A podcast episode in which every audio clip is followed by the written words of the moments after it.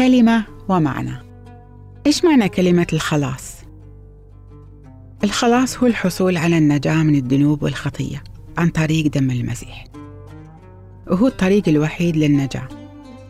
ومن خلال دم على الصليب ومن خلال حلول وسكن الروح القدس فينا يكون في اتصال دائم بين الله الحي عن طريق المسيح.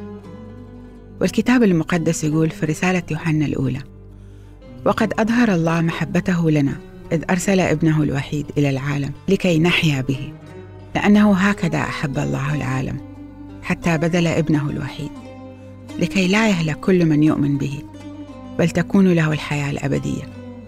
فإن الله لم يرسل ابنه إلى العالم ليدين العالم بل ليخلص العالم به. فالذي يؤمن به لا يدان وأما الذي لا يؤمن به فقد صدر عليه حكم الدينونة. لأنه لم يؤمن باسم ابن الله الوحيد.